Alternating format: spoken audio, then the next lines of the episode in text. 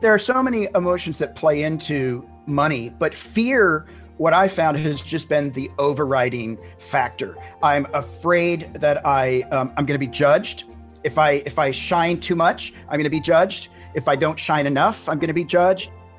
That was Bob Wheeler, and you're listening to episode 224 of the Building Psychological Strength podcast, where we uncover the information, tools, and techniques to turn our mind into our most valuable asset.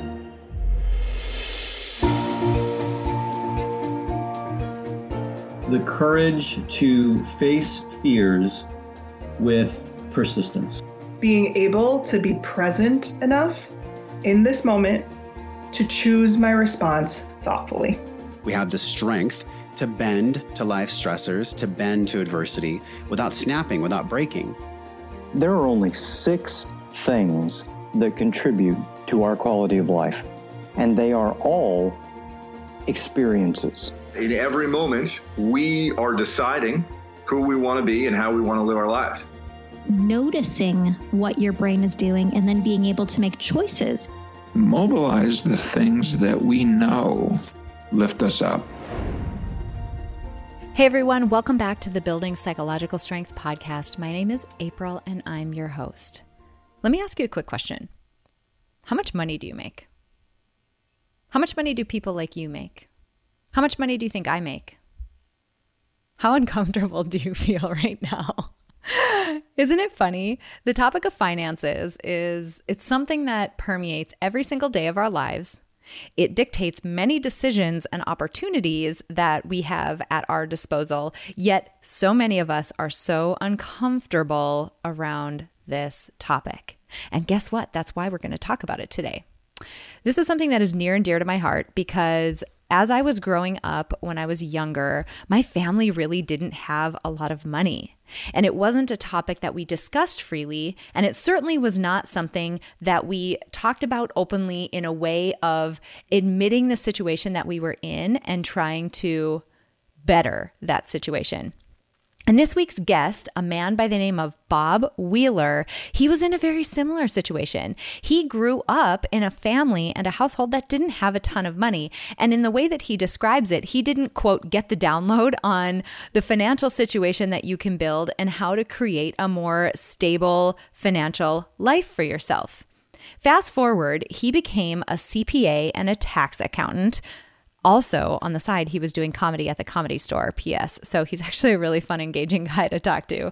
But he became a CPA and a tax accountant. And what he noticed is that as he was working with his clients, the sessions where he was talking about finances turned from financial sessions into therapy sessions. He found out that there were so many emotions wrapped up in finances for people. And because we don't speak about it openly, and because it's something that we think is only a problem of ours, something that we should feel guilty about, something that we should hide, because of all of that, so many decisions that people were making, costly ones, expensive ones, were being made based on emotion. Even more specifically, they were being made based on fear. Whether it's the fear of standing out and having too much money, or the fear of not having enough, or what might happen to you if you lose everything. Fear was dictating so many decisions that his clients were making, and he started to dig into the relationship between our emotions and our psychology and our financial situation. And that's where his work around something he calls the money nerve was created. So, today we're going to be talking to Bob all about finances and about the psychology behind how we think about building wealth and how it plays into our decisions. So I want you to really open your mind as you go into this episode and think about times when you've had discussions with people about finances and you have clammed up or felt anxious or felt embarrassed or really anything except for calm and confident and cool and collected. Those are times when we are hitting on the money nerve. And those are times when those emotions can be guiding your decisions, potentially in a direction that you don't want them to. So I'm really excited to have Bob Wheeler on this episode of the podcast because, again, we're talking about a topic that influences us every single day and flat out influences how comfortable we feel in our day to day life. And one of the biggest uh, sources of anxiety and frustration for us, namely our financial situation. So I'm thrilled to introduce you to Bob Wheeler. Uh, sit back, enjoy this episode, and let's roll that interview. Bob, I'm so excited that you're here for this episode of the podcast because we're going to be talking about a topic that really impacts people on a day to day basis. And we've never covered it on the podcast before. So I'm pumped you're here. Well, thank you, April. I'm super excited to be here. All right. So we are going to be diving into, I'm just going to get right to the chase. So folks who are listening to this know what they're getting themselves into. We're going to be diving into the topic of money and finances today. And off, like right off the bat, uh, people might immediately think like hey i thought this was building psychological strength not how to do your taxes or invest wisely.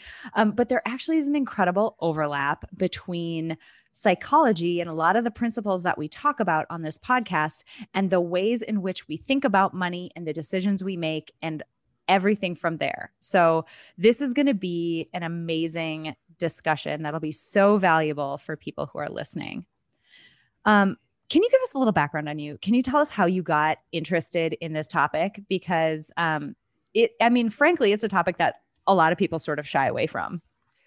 Absolutely. So, uh, you know, my background is I originally wanted to be a lawyer.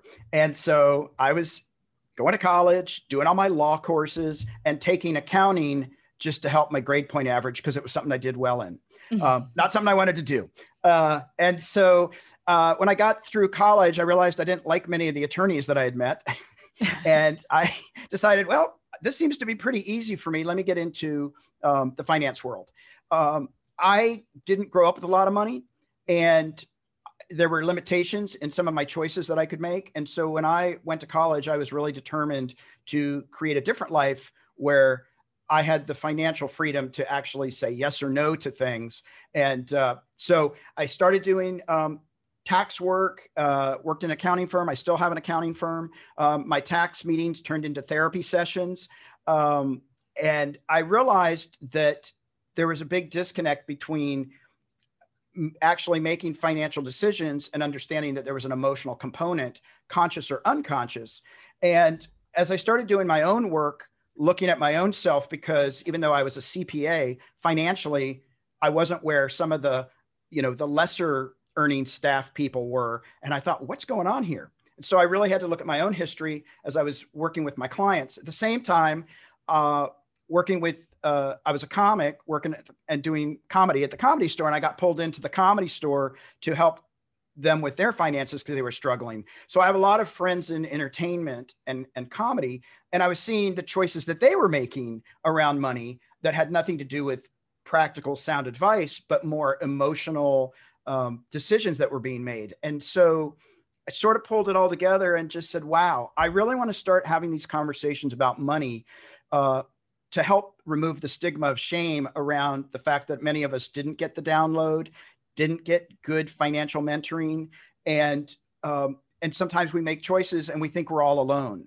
And and so it was really important for me to let people know, hey, guess what? You're not the only one that doesn't know everything about money, and like we can all learn this together and let's start having these conversations because so many people are afraid to talk about finance mm, that is so valuable and it, you you hit the nail on the head with that uh, last comment like we're afraid to talk about it it's taboo i mean taboo. At, at, for in much of the country yeah. dare I say all of the country, mm-hmm. you can't ask somebody what they make, or you don't tell people how much money you make. We sort of infer based on like, oh, that person drives a Tesla, they must, you know, do pretty well or whatever. We make these inferences, but it's just not even okay to talk about at all. So the normal way in which we learn, um, you know, how to relate to one another in romantic relationships, and the best way to have this type of conversation, and what are the social rules in these other situations, we've taken that off the table. Like we don't allow for that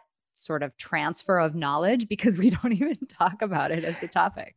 No, absolutely. It's so taboo and it starts early, you know, hey mom and dad, are we rich? Don't ask questions, you know, or Mhm. we can't afford that. And and we we don't run around going, "Hey guys, guess what? I just filed for bankruptcy. You should see my credit card debt. It's Mm. amazing." Right? It's we hide all that and go, "Look, my life's really together." And then we hope we don't get caught.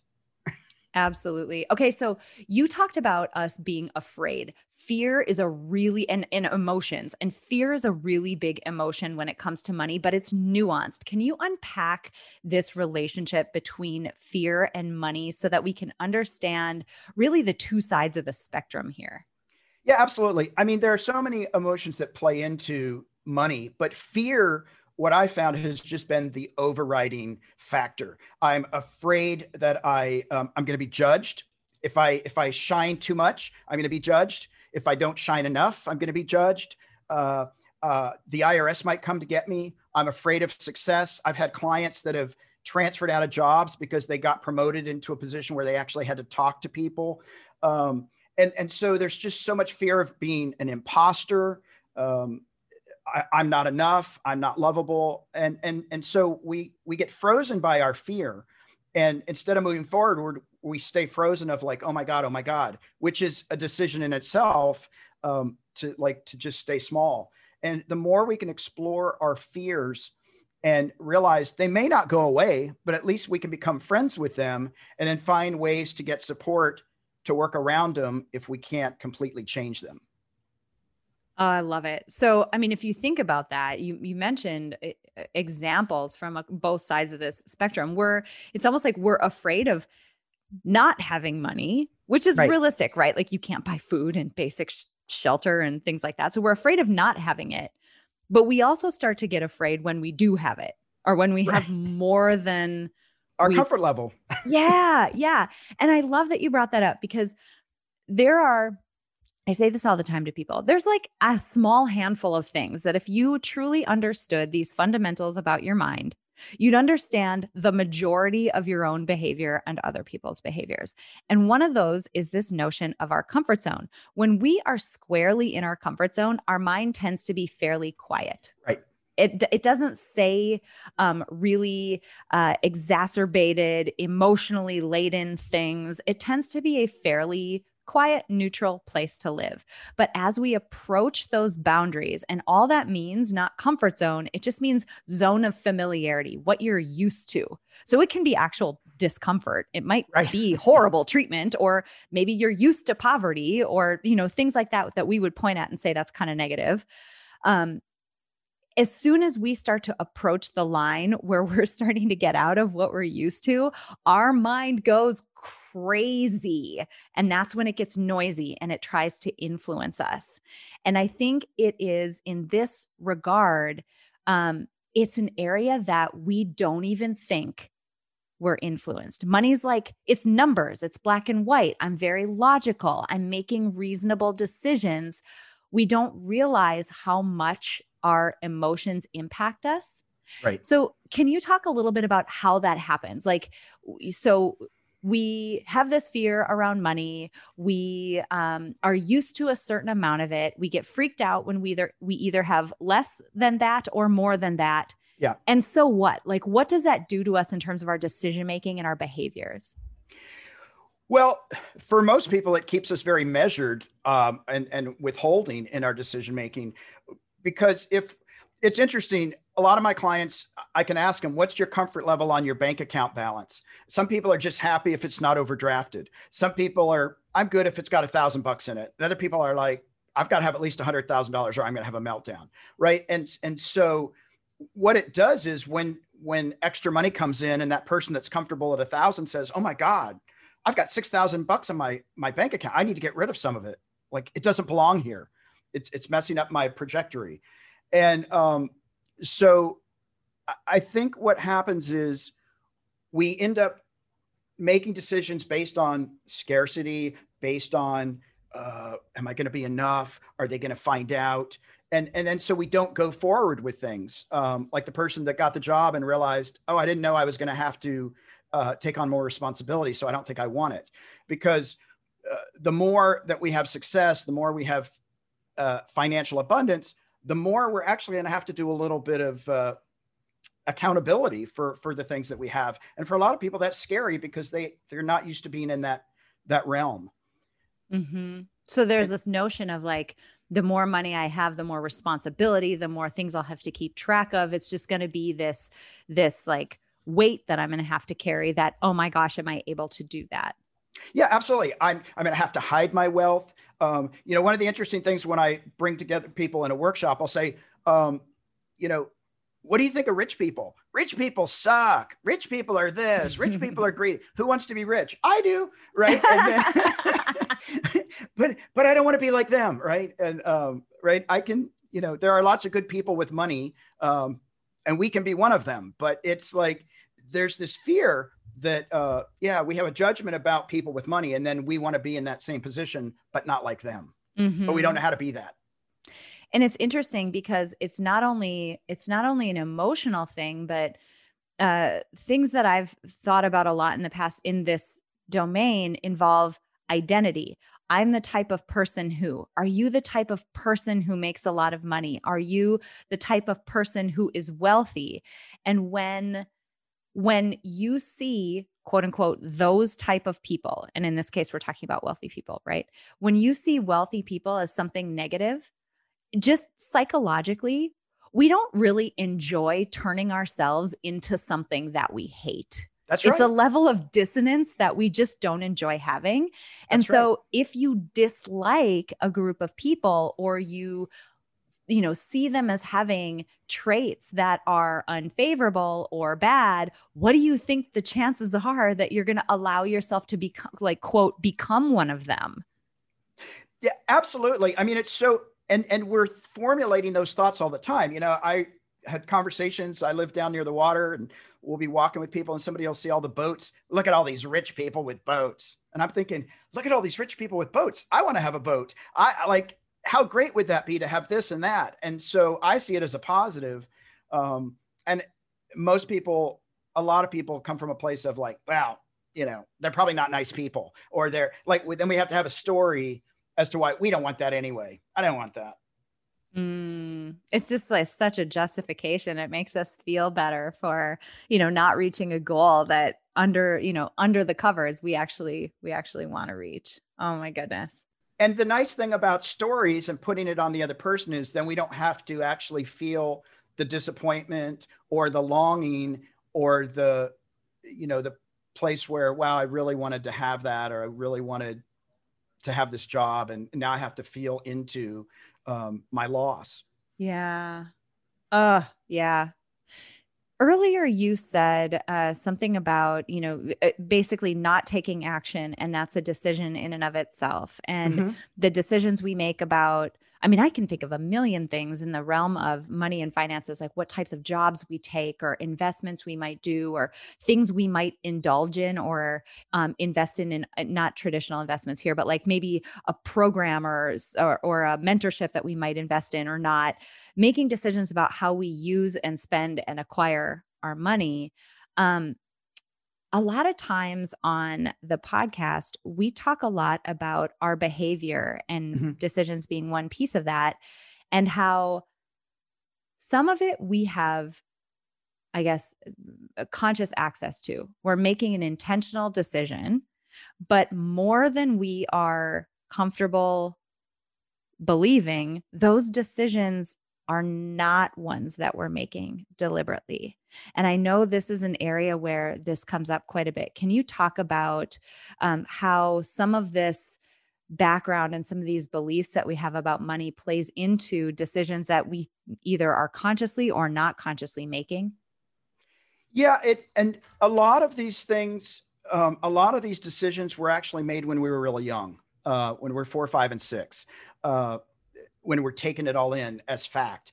Uh, so if I'm, you know, if it's near Christmas and I'm like, hey, mommy and daddy, I want something for Christmas or for the holidays. And my parents tell me, you're so greedy. All you think about is yourself. Um, I'm not going to ask for toys anymore. I'm not going to ask for things because, oh, I'm a greedy, selfish person, or uh, I'm might have been uh, empowered to go to the store and pick up the milk and the eggs and I lose the money on the way home or I, I break something. People are like, oh, you're always so irresponsible. You don't know anything about that. Oh, I'm terrible with money. I can't be trusted.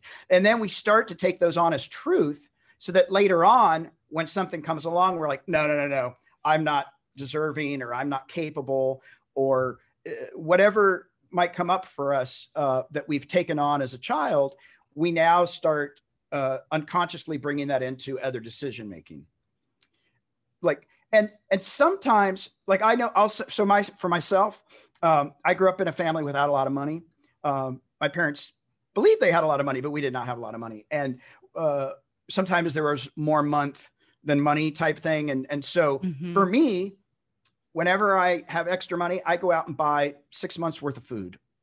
Mm. I, I could live through uh, pre-pandemic i i'm loading up. And if i go into somebody's house i want to see that there's food.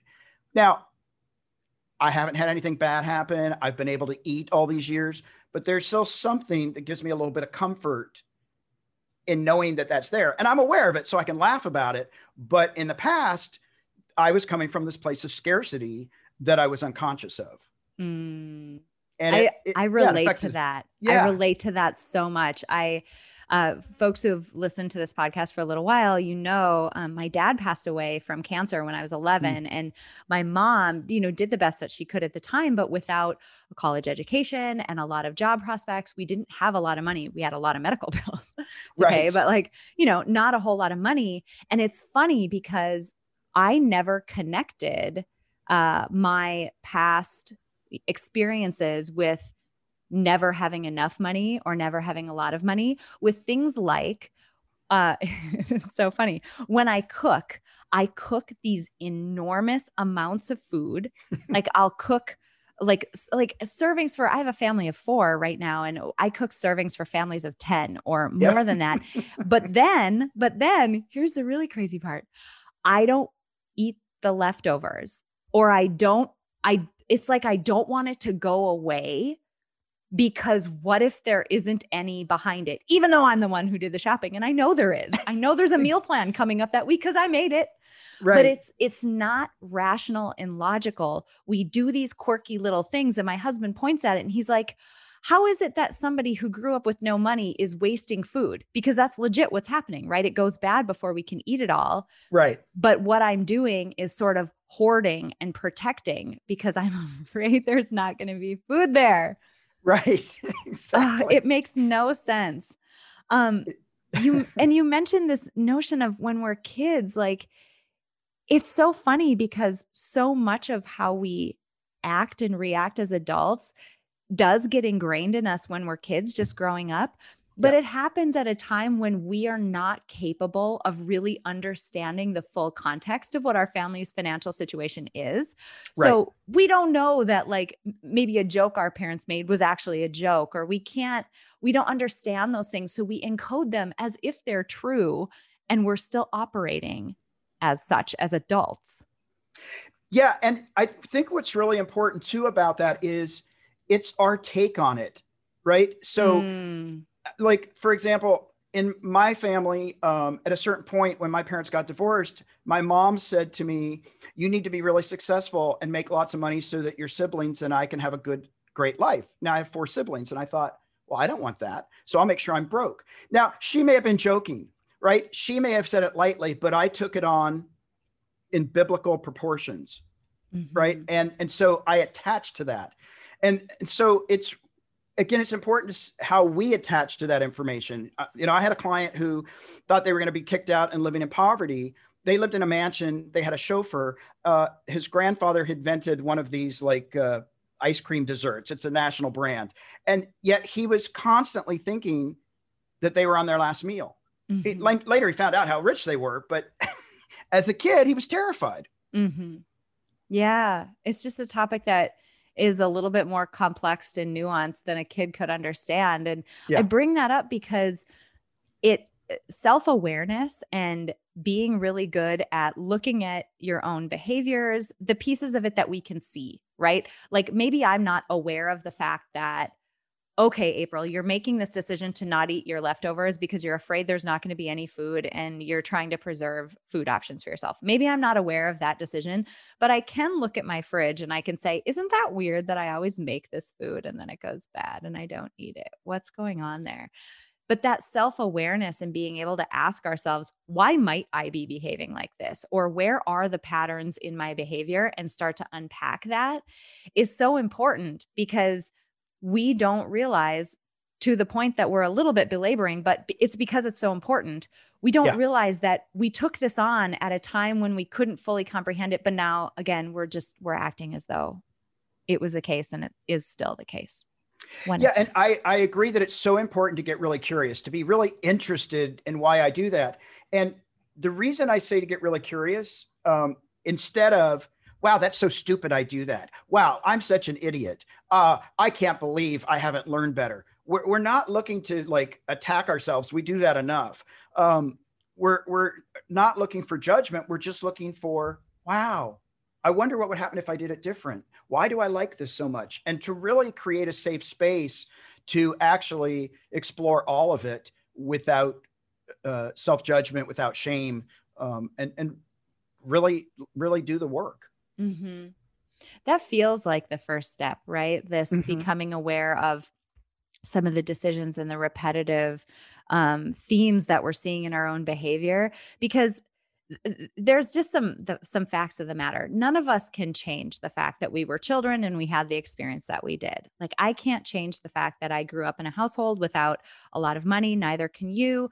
You can't go back and change any of the things that your parents said. They probably didn't say them with bad intentions. This isn't a time when we're going to all go back and yell at our parents for, you know, messing us up or anything like that. Right. Everybody probably had up and up the best of intentions. It's just things get lost in translation and you know stuff happens and this is where we are but understanding the fact that we've got these belief systems this mindset this approach and understanding of our finances that impacts us today um, knowing that that gives us the power to be able to do something about it going forward and so i love this notion of maybe step one get self aware about yeah. what types of decisions you're making and where they might have come from is a great first step for people.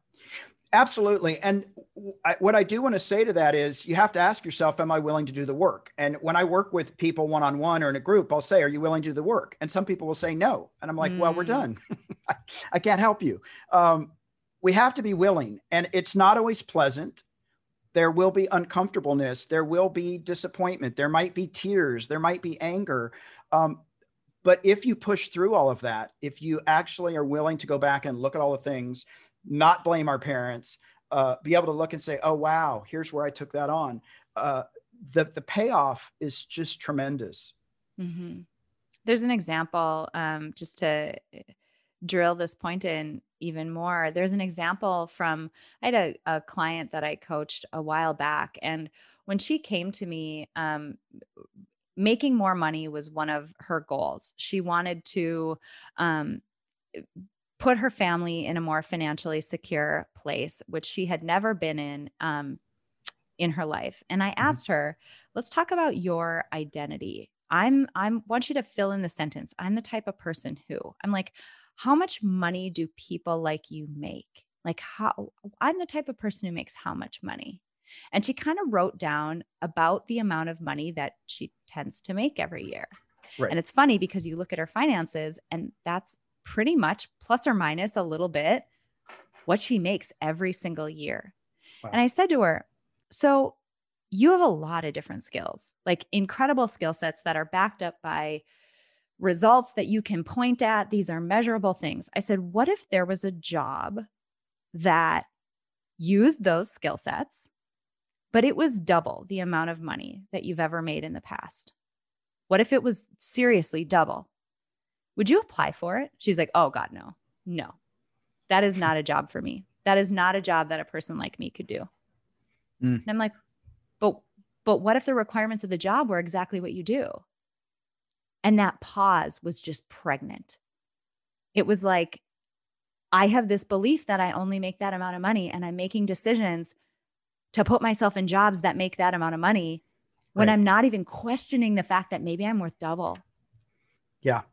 It was wild. And out of nothing that I did, she did 100% of the work, but this is the work that you're talking about. Yeah. She, with a shaking hand, applied for a job that was like 30% more than what she had ever made before. Didn't end up getting that job, but got another one that was right around the same amount. But like with just shaking hands and total disbelief that she belonged there, she started applying for things that were, quote, out of reach for her. Turns out they were very well within reach, like completely fine. But within a matter of a few months, turned her financial situation around simply because it was psychology, not reality we were dealing with. It's incredible. It's incredible. And, you know, that brings up the imposter syndrome um, that so many people live with, and more so women uh, than Mhm. men, that they don't deserve it, that they don't have the education, they don't have the experience, um, and that they're going to be found out. Mm, And it's, and once you can be aware of that, like, so that's so awesome that she was able to recognize that. And even doing it with fear, she stepped forward. hmm hmm Yeah, it's funny. You know, we so we talked a little bit ago about that that comfort zone. Mhm. Um, you don't, and I th- I'm sure you know this well. You don't move the edges. Those the edges of that comfort zone can move. They are definitely Yeah. pliable, but you don't Yes. move them by thinking about them. no, that never happens. You move them by doing and then proving to your brain that you didn't die. I went out Right. and did the thing that you were squawking at me about. I applied for the job that was 30% higher than what I make now, and I didn't die. I'm actually perfectly fine right now. Isn't that yeah, weird? and well, you know, it's interesting you say that because that was literally the question that I would ask myself each time: Is this going to kill me? um, like I, I lived so much of my life in fear, and everything was life or death. And I think for so many people, um, that's just a a, a reality um, that it, that we actually we're that afraid of it um, that we think it's going to kill us. Yeah. Uh, what are some more steps people can take? Like, what are ways? Because I feel like I hope people listening to this that you are convinced that, you know, there might be a little bit more going on than what we all probably would have thought had we not explored our own mindset and our own beliefs in this area. What are some steps that people can take to start moving in the right direction? Because I mean, 2020 proved to us that financial security is incredibly important. Like us Yeah. taking this seriously and getting ourselves to the point, you can have your beliefs all you want to about rich people are terrible and this is greedy and this is horrible. And if if I take, then I'm taking from someone else and uh, zero sum games, all of that. You can believe all of that that you want, but the more financially secure you were during the year of 2020, probably the better you're coming out of that year. And so the more we can get people to step into that and and move in a direction where they're trying to build wealth without feeling so guilty, the Mhm. better, I think. So how do we get people to move in that direction? So one of the things that I think is really important to do is start listening to what you actually say. Um, I need this new iPhone. I need this or that. Um, do you need it? Do you want it? Um, like I'm always broke. Uh, so it might be that I'm really just in a cash flow struggle at the moment, but I may not be broke. I might have assets. They're just not cash liquid. And so really starting to have friends call us on our on our statements that may be more of a um, a belief than a reality um, and really starting to do that uh, having conversations with your spouse your boyfriend your girlfriend your children um, and and not make them like most people think when i say hey do you talk about money? they ask they think i'm asking do you fight about money with your partner? Mm, and so that maybe a conversation about money can actually be just that a conversation uh, know that both sides might get emotional. Um, you know i had a i was doing a workshop it was a series over a few weeks and i asked everybody to work on their honest budget which means includes your spending impulses your addictions everything. I'm not judging it i just need to account for it right? And i asked this guy he was in his mid 50s to go home and ask his wife and he came back the next week and he was in tears. And he's like, I have to share, I have to share, I have to share, I have to share. And we were like, okay, what's up? He said, Well, I did what you asked. I went back and I I did the budget and I asked my wife, what do you think of this budget? Am I on track? And she said to me, oh my God, you're finally letting me in the marriage. Oh. And what had happened was he had put all his beliefs on his first wife and transferred them to a second wife.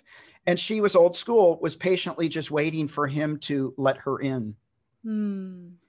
And, you know, I- and everybody was in tears because he just realized he had missed all this time working in fear and making judgments that were based on nothing but those. Mm-hmm. Yeah. Oh, that's really powerful. And it's it's funny because you're talking about the ripple effect, right? The impact of Mhm.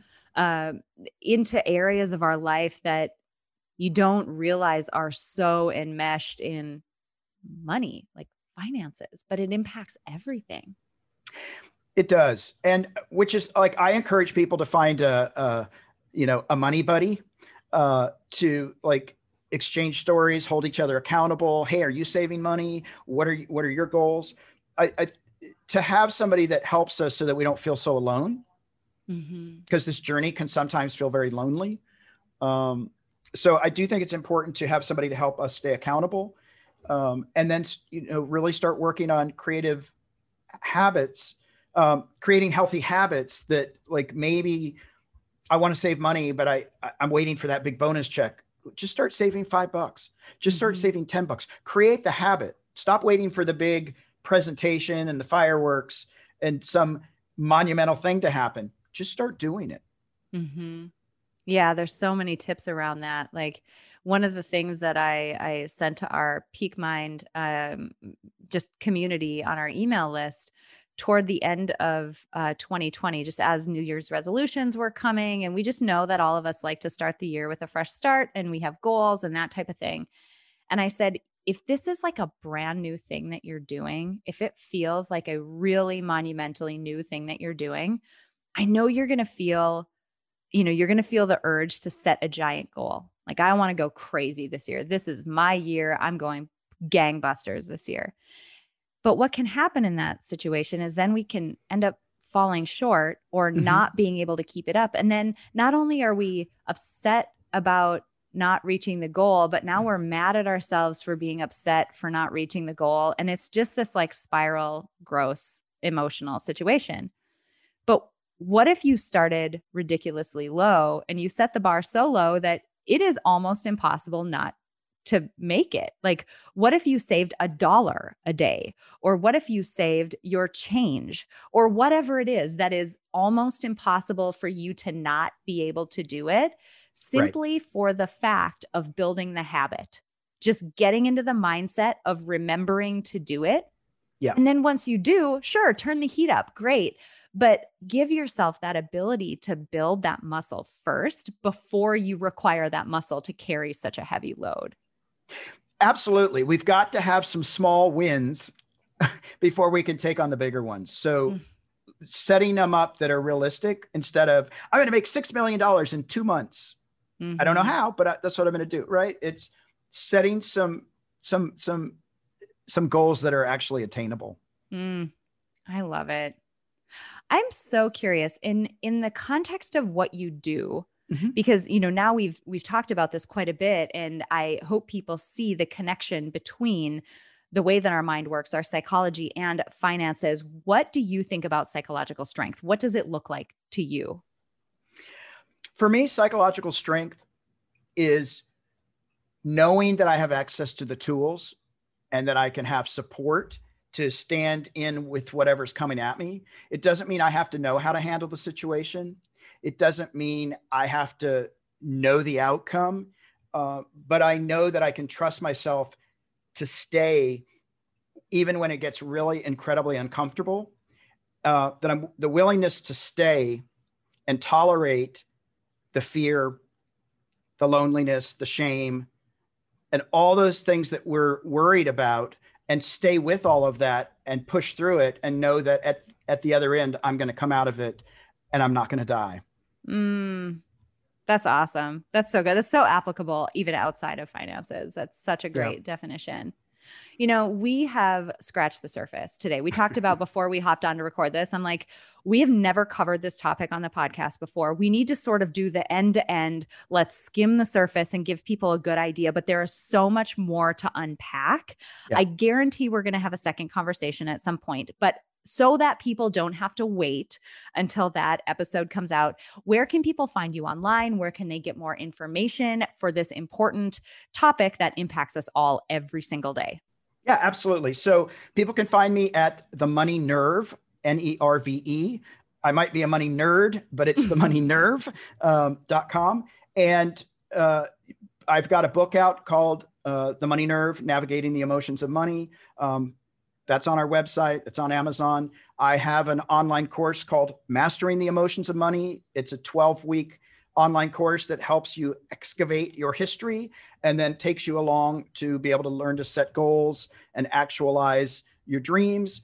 And it's just really about creating healthy habits. And then I also have a podcast myself called Money You Should Ask, where we have conversations with people about their money beliefs and money blocks and life choice. Um, I have a lot of creative folks on and just people from all walks of life because I really just want to keep having conversations with people to help again remove that stigma of shame of I didn't get the download on how to do things financially.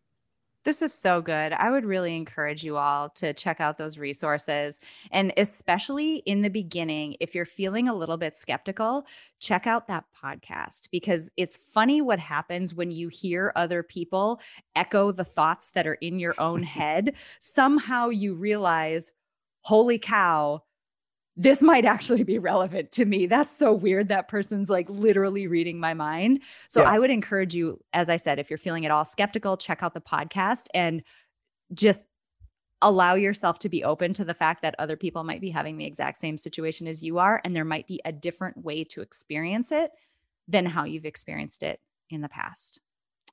This has been fantastic. I love this topic so much, uh, mostly because of what this topic can do for people. The more financially secure we are, the more secure our families are, the more good we can do in the world. I mean, it just amplifies all yeah. of the impact that each and every one of us can have. So, Bob, I so appreciate you being on the podcast today. This has just been fantastic.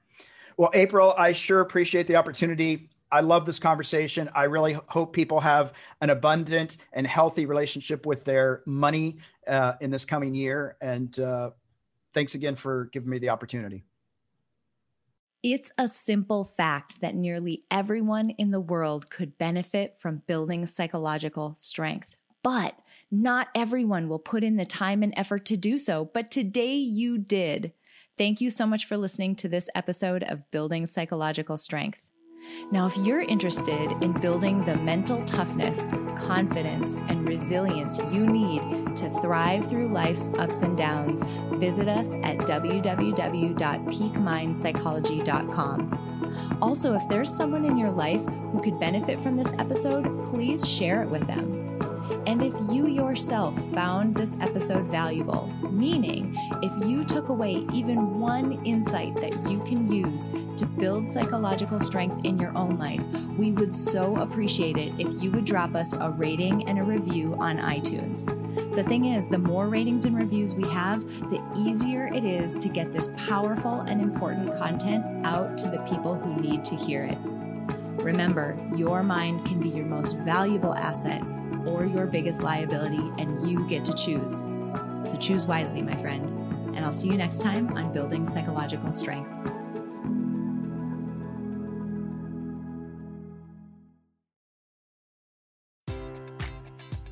Enjoy all your favorite sports like never before at BetMGM. Sign up using code CHAMPION and receive up to $1,500 back in bonus bets if you don't win your first bet. When you register with BetMGM, you'll get instant access to a variety of parlay selection features, live betting options, and the best daily promotions in the business. And with BetMGM at your fingertips, every play and every game matters more than ever. Remember to use code CHAMPION and receive up to $1,500 back in bonus bets if you don't win your first bet. Place your money line prop, or parlay bets with the king of sportsbooks today. BetMGM and GameSense remind you to play responsibly. See BetMGM.com for terms. 21 plus only, Virginia only. New customer offer, subject to eligibility requirements. Rewards are non withdrawable bonus bets that expire in seven days. Gambling problem? Call 1 800 Gambler. Promotion, promotional offer not available in Washington, D.C.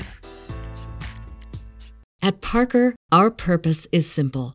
We want to make the world a better place by working more efficiently, by using more sustainable practices, by developing better technologies. We keep moving forward.